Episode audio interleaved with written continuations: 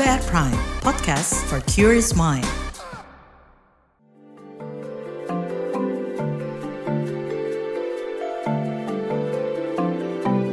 Saga, cerita tentang nama, peristiwa, dan fakta.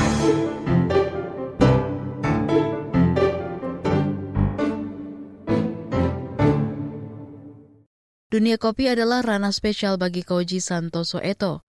Penyandang autisme asal Jakarta ini sukses meraih sertifikat barista dan bekerja. Berbekal keahliannya, Koji tertantang untuk menciptakan ruang-ruang inklusif bagi penyandang autisme. Itu terrealisasi pada 2019 dengan dibukanya Koji Genki Project.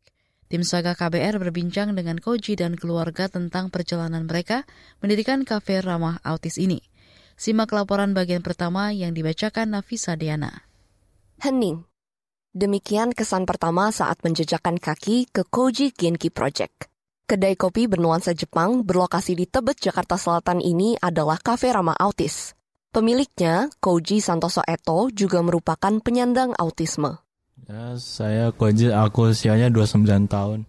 Koji memang hobi minum kopi. Ia belajar membuat beragam minuman berbahan dasar espresso. Pada 2018, Koji berlatih menjadi barista di Anomali Kopi. Setahun berselang, ia lulus dengan sertifikat barista, kemudian bekerja di PT Sumitomo Indonesia. Selama menggeluti dunia barista, menu latte art menjadi bagian paling menantang. Sebab teknik menghias kopi ini butuh konsentrasi tinggi.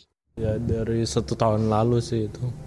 Misalnya ya, ya mungkin moodnya gitu, nggak stabil ya ini sih ya kadang-kadang terbuat hatinya kadang-kadang enggak gitu suka enggak sih gitu Koji mulai tertarik mendirikan kafe sendiri dengan konsep ramah autis. Minatnya kian menguat begitu mengetahui rekan masa kecilnya sukses sebagai barista. Karena ini aku mau ada pekerjaannya yang anak istimewa jadi supaya bisa bekerja terus terinspirasi oleh teman SD. Teman SD-nya itu barista juga jadi mungkin aku bisa seperti dia gitu. Mimpi itu terwujud pada 2019. Dibantu sang ibu Yumiko Santoso Eto, Koji Genki Project resmi berdiri. Koji dulu suka ikut terapi sama orang Jepang ya. Dia yang sebetulnya kasih ide juga, Koji harus ada tempat bikin kopi gitu tiap hari ya. Jadi supaya ada kegiatan. Yumiko memberi dukungan penuh karena sadar tak banyak tempat ramah autis di Jakarta. Ia turun langsung mengurusi kafe, mengambil peran sebagai chef, sedangkan Koji menjadi barista. Jadi dulu cuma berdua. Pertama kali itu saya bikin kue, dia bikin minuman.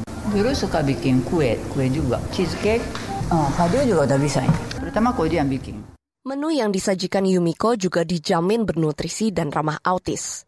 Banyak orang tua susah membawa anaknya ke restoran atau kafe gitu ya. Jadi saya juga mikir banyak anak-anak autis datang kalau saya buka kafe begini. Jadi saya bikin menu banyak yang gluten free. Kan anak autis kan suka ini ya harus hindari gluten sama tidak pakai gula gula putih gitu ya. Ini selaras dengan nama yang dipilih, Genki. Koji kan nama anak saya sendiri. Genki itu sehat, bahasa Jepang sih. Jadi kalau orang datang ke kafe ini semuanya jadi sehat gitu. jadi semangat gitu. Koji Genki Project lambat laun dikenal dan makin berkembang. Banyak pengunjung dari kalangan penyandang autisme. Mereka kemudian merekrut staf untuk membantu di dapur. Yumiko mempekerjakan kenalannya yang paham tentang autisme. Kalau sama staff sih kalau ada masalah kan kita sering diskusi juga. Itu sih tidak terlalu sulit ya, staff juga langsung mengerti gitu. Di sini cukup support gitu kan. Jadi udah sampai sekarang sih udah oke-oke aja. Kafe dirancang sedemikian rupa agar pengunjung merasa seperti di rumah. Ada bermacam buku berbahasa Inggris dan Jepang yang bisa dibaca gratis. Jika pengunjung dengan autisme butuh suasana tenang, Koji menyediakan calming room. Ruangan seluas 12 meter persegi itu dilengkapi headphone peredam suara dan beanbag untuk bersantai. Uh, kalau misalnya ada yang terganggu suaranya bisa dikecilin, suara musiknya atau dimatikan. Ada juga siapin headset. Juga mungkin staffnya kan semua udah paham ya. Jadi ya kita udah biasa sama anak-anak gitu. Komitmen Koji Genki Project menyediakan kafe ramah autis mendapat apresiasi. Pada Juni 2022, mereka meraih Sensory Inclusive Certified dari Autism Career Pathways, organisasi nirlaba berbasis di San Francisco, Amerika Serikat. Tiba-tiba dari sananya hubungin ke IG kami, jadi mau kasih sertifikasi gitu.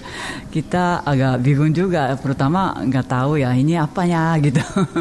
Tapi udah komunikasi sama Messi, namanya orangnya Messi di WhatsApp, kita juga udah paham. Messi juga udah datang ke Indonesia, udah sering ke sini juga gitu.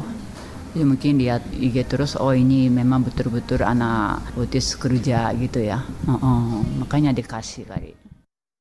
Apresiasi ini makin memacu semangat Koji memperluas inklusivitas. Seperti apa? Simak kisahnya esok. Demikian Saga KBR. Saya Nafisa Deana.